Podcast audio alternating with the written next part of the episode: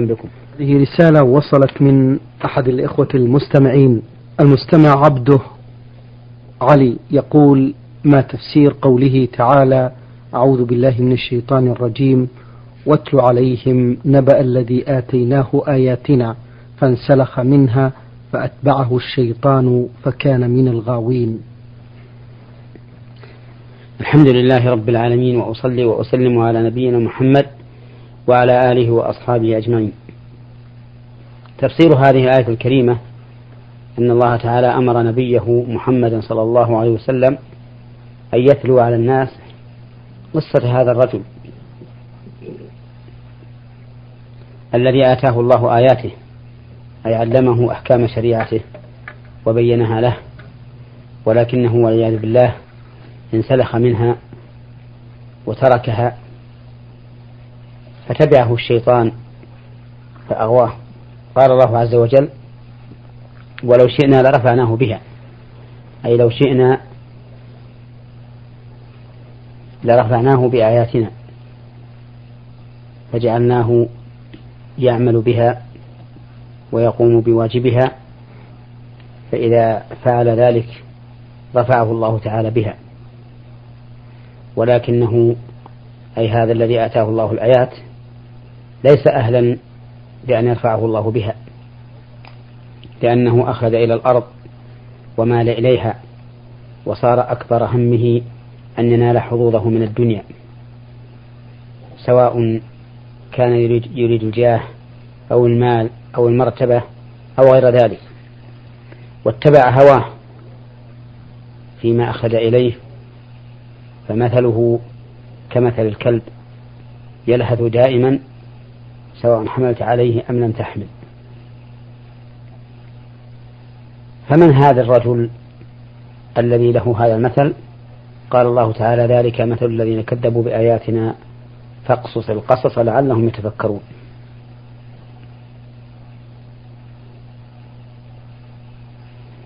فهذا هو الكافر الذي آتاه الله تعالى العلم وبين له الشرع. على أيدي رسله الكرام عليهم الصلاة والسلام ولكنه أبى إلا أن يتبع هواه ويخلد إلى الأرض فصار هذا مآله نسأل الله العافية. نعم. آه المستمع آه المواطن المصري محمد مصطفى درويش مقيم بجمهورية العراق بمحافظة القادسية. يقول أملك قطعا من المواشي من البقر في جمهورية مصر العربية.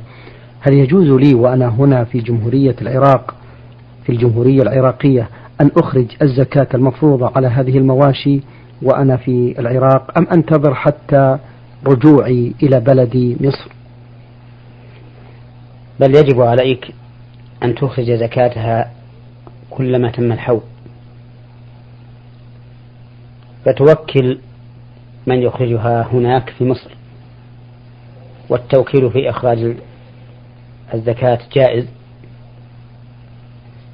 لأن النبي صلى الله عليه وسلم كان يبعث السعاة والعمال على الزكاة فيأخذونها من أهلها ويأتون بها إلى رسول الله صلى الله عليه وسلم. وثبت عنه صلى الله عليه وسلم أنه وكل علي بن أبي طالب في ذبح ما بقي من هديه في حجة الوداع. فوكل أحدا ممن تثق به في بلدك في مصر على أن يخرج زكاة هذه المواشي. ولا يحل لك أن تؤخرها حتى ترجع لأن في ذلك تأخير للزكاة. متضمنا لحرمان أهلها منها في وقتها. ولا تدري فلعلك لا تصل إلى إلى مصر بعد. لعلك تموت قبل أن تذهب إلى مصر وحينئذ تتعلق الزكاة بذمتك. ولا تدري فلعل الورثة بعدك. لا يؤدون ما أوجب الله عليك من هذه الزكاة. فبادر يا أخي بادر بارك الله فيك بإخراج الزكاة ولا تتأخر. نعم. بارك الله فيكم شيخ. أيضا المستمع يقول هل يجوز إخراج الزكاة زكاة المال أو خلاف ذلك في أي شهر من شهور السنة؟ أم يتحتم إخراج الزكاة في شهر رمضان المبارك؟ لا يتحتم إخراج الزكاة في رمضان بل يخرج الإنسان زكاته إذا تم حوله أي حول ماله أخرج الزكاة. ولا يجوز أن يؤخرها. اللهم إلا شيئا يسيرا يؤخرها لينظر من هو أحوج أو لزمان فاضل غير بعيد وأما أن يؤخرها إلى زمان بعيد فإن ذلك لا يجوز لأن الزكاة يجب إخراجها على الفور لأنها من الواجبات والأصل في كل الواجبات أن يقوم الإنسان بها فورا إلا ما قام الدليل على جواز التراخي فيه. نعم. آه هذه مستمعة فضيلة الشيخ من العراق محافظة إربل تقول أحييكم بتحية الإسلام السلام الله عليكم ورحمته وبركاته وإليكم سؤالي. وعليكم السلام ورحمة الله وبركاته. نعم. إن زوج ابنتي يشتغل في أعمال متنوعة وإني أعرف ومتأكدة أنه يحصل على الفلوس عن طريق الحرام وإني لأذهب إلى بيتهم وأنا لا أذهب إلى بيتهم إلا في المناسبات عندما يكونون مرضى آه، أو غير ذلك. وأتناول معهم بعض الأطعمة خوفا من ابنتي من الزعل. هل آه، في ذلك إثم علي فضيلة الشيخ؟ لا إثم عليك في هذه الحال لأن زوج ابنتك له مورد حلال ومورد حرام. وإذا كان للإنسان مورد حلال ومورد حرام فلا حرج على غيره أن يأكل من طعامه. أو يشرب من شرابه. وقد ثبت عن النبي صلى الله عليه وسلم أنه أكل من الشاة التي أتتها له اليهودية وثبت عنه صلى الله عليه وسلم أنه مات ودرعه مرهونة عند يهودي في شعير اشتراه لأهله. وهذا يدل على أن من كان ماله فيه حلال وفيه حرام فإنه لا يحرم على الإنسان أن يتناول شيئا منه. نعم. آه هذا مستمع إلى البرنامج. أرسل بسؤالين. السؤال الأول يقول إن جيراني لا يصلون وهمهم الكبير التحدث عن فلان وفلان غيبا ودائما في شجار فيما بينهم ويشتمون بعضهم البعض بأسوأ الألفاظ. سؤالي ماذا علي أن أفعله تجاههم؟ هل أقاطعهم ولا أسلم عليهم؟ حيث أن الرسول صلى الله عليه وسلم حثنا على الوقوف إلى جانب الجار في أحاديث كثيرة. أفيدونا في ذلك؟ جزاكم الله عنا خير الجزاء. لا شك أن للجار حقا على جاره. أوجبه الله عز وجل في قوله تعالى وبالوالدين إحسانا وبذي القربى واليتامى والمساكين والجار ذي القربى والجار الجنب وثبت عن النبي صلى الله عليه وسلم أنه قال من كان يؤمن بالله واليوم الآخر فليكرم جاره. وثبت عنه أنه صلى الله عليه وسلم قال والله لا يؤمن والله لا يؤمن والله والله لا يؤمن. قالوا من يا رسول الله؟ قال من لا يأمن جاره بوائقه. أي من لا يأمن جاره غشمه وظلمه. فالجار له حق فإن كان جارا مسلما قريبا فله ثلاثة حقوق حق القرابة وحق الإسلام وحق الجوار. وإن كان قريبا وإن كان جارا مسلما فقط فله حقان حق الإسلام وحق الجوار. وإن كان جارا غير مسلم فله حق واحد وهو حق الجوار. وإذا كان جيرانك بهذه المثابة التي قلت فلا حرج عليك أن تذهب إليهم. بل قد يكون من الأولى بك أن تذهب إليهم وأن تنصحهم وأن تعينهم على ترك هذه الأمور والمشاكل حتى يستقيموا على ما ينبغي أن يكونوا عليه من الصفاء والمودة. نعم. بارك الله فيكم. رسالة آه، وقع عليها المستمع بمسلم. يقول أنا شاب مسلم سافرت من بلدي إلى دولة العراق بحثا عن الرزق. لم أكن في ذلك الوقت مسلما كما ينبغي بمعنى لم أكن أخشى الله حق خشيته فعملت في شركة تصنع البيرة وهذا طبعا فيه معصية لله عز وجل. ولكن بعد فترة من عملي فيها تقدر بشهر تعرفت على شاب مسلم بمعنى مسلم حقا فصدقني وعرفني أمور ديني جيدا وكان لزاما علي أن أترك هذه الشركة فورا. فصدقني ولا فصدقني؟ فصادقني. صادقني. فصادقني وعرفني أمور ديني جيدا وكان لزاما علي أن أترك هذه الشركة فورا لأن وجودي فيها فيه معصية لله سبحانه وتعالى. فقدمت استقالتي منها ولكنهم آه، ولكن المسؤول في هذه الشركة رفض قبول الاستقالة فحاولت أكثر من مرة دون جدوى علما بأني لا أستطيع العمل في مكان آخر إلا بعد موافقة الشركة على الاستقالة. ويعلم الله كم أنا أحاول بكل إخلاص أن أخرج من هذا المكان الذي يعصي الله ولكنهم يرفضون. ويعلم الله كم أنا كاره لهذا العمل. ولذا أريد أن أعرف هل عملي فيها الآن يعتبر آه، مضطر وهل أنا على وزر؟ وهل أنا على وزر؟ علما بأنني أحاول الخروج منها بشتى الطرق فأريد أن أعرف هل أنا في هذا ما زلت عاصي أم أنا ينطبق علي فمن اضطر غير باغ. الذي أشير به عليك أن تبقى في هذه الشركة إذا كان في بقائك خير بحيث تؤثر على من فيها فيقلعون عما هم عليه من بيع هذه الأمور المحرمة.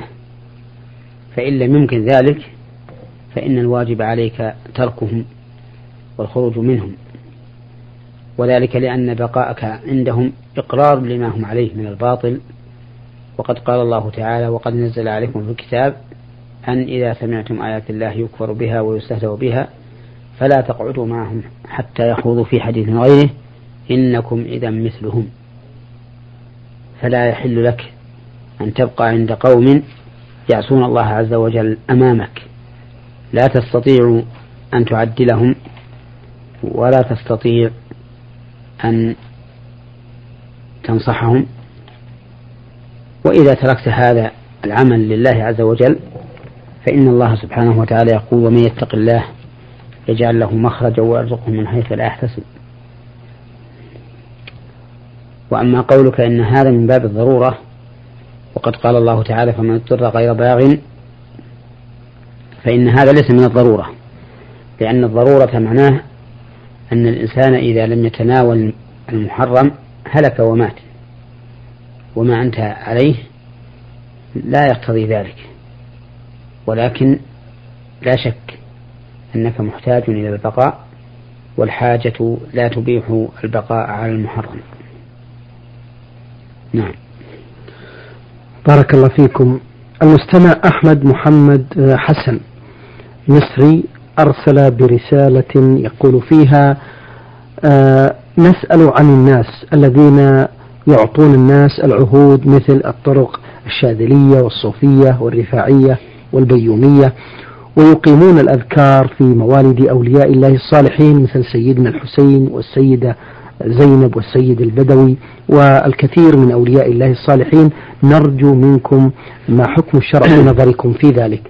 الذي نرى في هذه الطرق وغيرها من الطرق والنحل والمذاهب أنه يجب أن تعرض على كتاب الله وسنة رسول الله صلى الله عليه وسلم فما كان منها حقا قبل وما كان منها باطلا وجب رده وطرحه وعدم الاعتماد عليه والتمسك به. وهذه الطرق التي عددها السائل تنبني على هذه تنبني على ما أشرنا عليه ما أشرنا إليه من وجوب عرضها على كتاب الله وسنة رسول الله صلى الله عليه وسلم. وإذا اشتملت هذه الطرق على دعاء الأولياء وتقديم محبتهم على محبة الله ورسوله والتعلق بهم ودعاءهم كان ذلك داخلا في الشرك. وقد يكون شركا أكبر مخرجا عن الملة فلا ينتفعون بهذه الطرق. وإن نصيحتي لهم ولغيرهم أن يرجعوا في أمرهم وشؤون دينهم إلى ما كان عليه النبي صلى الله عليه وسلم وأصحابه. فإن ذلك هو الخير وهو الذي ينفعهم عند الله. وأما هذه الأمور التي يتعلقون بها فإنها لا أصل لها. المستمع يسأل أيضا فضيلة الشيخ ويقول عن قراءة القرآن على القبر بعد دفن الميت وعن قراءة القرآن للميت في البيوت ونسميها رحيمة للأموات. ونعطي القراء فلوس ما حكم الشرع أيضا في عملنا هذا. الراجح من أقوال أهل العلم أن القراءة على القبر بعد دفنه بدعة لأنها لم تكن في عهد الرسول صلى الله عليه وسلم ولم يأمر بها النبي صلى الله عليه وسلم ولم يكن هو نفسه يفعلها. بل غاية ما ورد في ذلك أنه إذا دفن الميت قال وقف عليه وقال استغفروا لأخيكم واسألوا له التثبيت فإنه الآن يسأل. ولو كانت القراءة عند القبر خيرا وشرعا لأمر به النبي لأمر بها النبي صلى الله عليه وسلم أو فعلها حتى تعلم الأمة ذلك. وكذلك إذا اجتمع الناس في البيوت على القراءة على روح الميت فإن هذا أيضا لا أصل له. وما كان السلف الصالح رضي الله عنهم يفعلون هذا. والواجب على الإنسان إذا أصيب بمصيبة أن يصبر ويحتسب الأجر عند الله. ويقول ما قاله الصابرون إنا لله وإنا إليه راجعون. اللهم أجرني في مصيبتي وأخلف لي خيرا منها. وأما الاجتماع عند أهل الميت وقراءة القرآن وصنع الطعام وما أشبه ذلك فكله من البدع التي لا أصل لها عن رسول الله صلى الله عليه وسلم ولا عن أصحابه. فالواجب الحذر منها والبعد عنها. بارك الله فيكم. رسالة وصلت من المستمعة رمزت لاسمها بصاد باء ميم المملكة العربية السعودية الحفائر قرية سعد. تقول أنا امرأة أبلغ من العمر ما يقارب من الخامسة والستين وقبل عشرين عاما قدر الله ثم وضعت وعاء كبيرا على ثلاثة من أولاد الغنم الصغار. وكان ذلك ليلا في برد شديد. وفي الصباح آه، وجدنا هذه الأغنام الصغيرة قد ماتت. يظهر أنهم قد انقطع عنهم الهواء مع العلم أنني عندما وضعت عليهم تلك الوعاء الكبير آه، أريد أن أحفظهم وأحميهم آه، من البرد. سؤالي هل يلزمني دفع كفارة أو نحو ذلك؟ وهل علي إثم في هذا؟ لا يلزمك دفع كفارة لهذه الغنيمات التي ماتت وليس عليك إثم فيه أيضا في, فعلك هذا لأنك إنما فعلتيه تريدين الإحسان. وقد قال الله تعالى ما على المحسنين من سبيل ولو علمت أن ذلك يخنقهم يخنقهن حتى يموت لو علمت بذلك لعملت سببا آخر. ولكن هذا هو أعلى ما تقدرينه في ذلك الوقت. فلا إثم عليك وأنت محسنة. والله سبحانه وتعالى يحب المحسنين. نعم. بارك الله فيكم. آه المستمع يقول في رسالته إنني شاب في السابعة والعشرين من العمر عقدت قراني على فتاة قبل فترة أكثر من سنة. وأخرت موعد الزواج لظروف لا مجال لذكرها ثم ما لبثت أن ظهرت مشاكل أعاقت الزواج وعلى إثر مكالمة هاتفية كان والدها قد قال فيها بأن كل شيء قد انتهى بيننا وبينهم. فقمت بكتابة طلاقها في ورقة وكنت في حالة عصبية نوعا ما وأنا الآن نادم على ما فعلت ولم ألفظ كلمة الطلاق شفويا حتى الآن بل كتبت بالنص أنت طالق يا فلانة وأخذت, وأخذت الرسالة بنفسي إلى والدها فهل هذا الطلاق صحيح ويقع أم لا؟ أفيدونا بارك الله فيكم. وعلما أني كتبت طلقة واحدة فقط وهو طلاق الغير المدخول بها. وإذا كان الطلاق يقع هل يشترط لإعادة الاقتران أنها تتزوج بآخر ثم تطلق؟ أم أن حكمها يختلف عن حكم المدخول بها.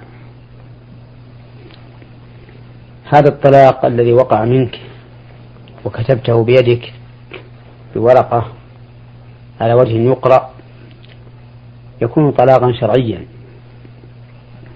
وحيث إنه قد وقع قبل الدخول فإن المرأة تبين به بمعنى أنها لا تحتاج إلى عدة. لقول الله تعالى يا أيها الذين آمنوا إذا نكحتم المؤمنات ثم طلقتموهن من قبل أن تمسوهن فما لكم عليهن من عدة تعتدونها فمتعوهن وسرحوهن سراحا جميلا. ولكنه يعتبر طلقة واحدة فلك الآن أن تراجعها وإن لم تتزوج بغيرك ولكنك لا تراجعها إلا بعقد إلا بعقد جديد بشروط تامة. وفي هذه الحال لا بد أن تبذل المهر. وأي مهر اتفقتم عليه كان جائزا. نعم. المستمع آه، من العراق يقول ما رأي الشرع في نظركم الشيخ محمد بزواج الشغار. وهل الحديث الذي يقول لا شغار في الإسلام صحيح؟ آه، نظري في نكاح الشغار أنه حرام لنهي النبي صلى الله عليه وسلم عنه كما في حديث ابن عمر وكما في الحديث الذي أشار إليه السائل حيث قال لا شغار في الإسلام. والشغار أن يزوج الرجل موليته على أن يزوجه الآخر موليته بدون مهر أو يسمى لهما مهر قليل على سبيل الحيلة. وإنما كان الشغار محرما باطلا لأن الله تعالى قال وأحل لكم ما وراء ذلكم أن تبتغوا بأموالكم فجعل الله تعالى حل المرأة مشروطا بدفع المال. وهكذا جاء في الحديث عن النبي صلى الله عليه وسلم أنه نهى عن عن نكاح الشغار. هذا المستمع من اليمن الجنوبي رمز لاسمه بألف حاء شين.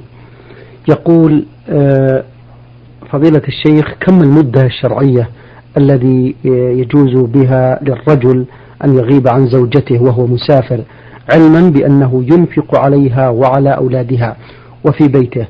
وحسب علمكم بأن الشخص قد يوفقه الله في عمل طيب فيعود في مدة قليلة سنة تقريبا. وقد لا يوفق بعمل فيتأخر عن العودة قد تطول سنتين أو ثلاث فما هو ردكم بهذا؟ بارك الله فيكم. إذا غاب الزوج عن زوجته مدة طويلة ولم تسمح له بذلك فإن عليه أن يرجع إليها كلما مضى نصف سنة إلا أن يكون معذورا بمرض ونحوه. فأما إن أذنت له بطول المدة فلا حرج عليه أن يبقى المدة التي أذنت فيها ولو طالت. لكنه يجب عليه في هذا الحال أن يقوم بواجب النفقة وغيره وأن يكون آمنا أن ينالها أحد بسوء. نعم.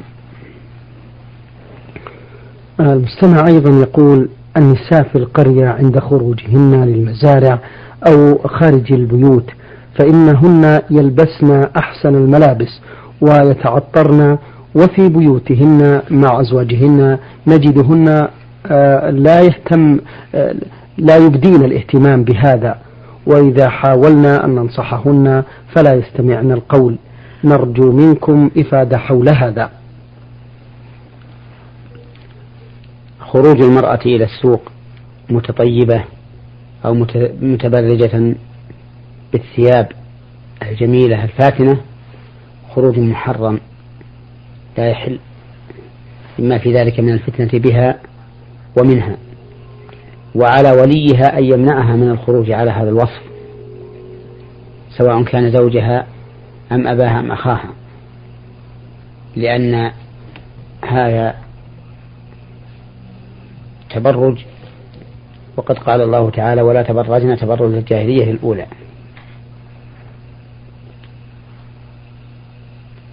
فنصيحتي ونصيحتي لهن أي لهؤلاء النساء التي يخرجون يخرجن إلى السوق بهذه الملابس وهذه الأطياب أن يتقين الله تعالى في أنفسهن وفي أمتهن. فإنهن إذا خرجن إلى ذلك إذا خرجنا إلى السوق بهذه الملابس افتتن الناس بهن وسلنا كلام الناس. فالواجب عليهن أن يتقين الله سبحانه وتعالى وأن لا يخرجن متطيبات ولا متجملات. في نهاية هذا اللقاء نشكر الشيخ محمد بن صالح بن عثيمين الأستاذ بكلية الشريعة بالقصيم وخطيب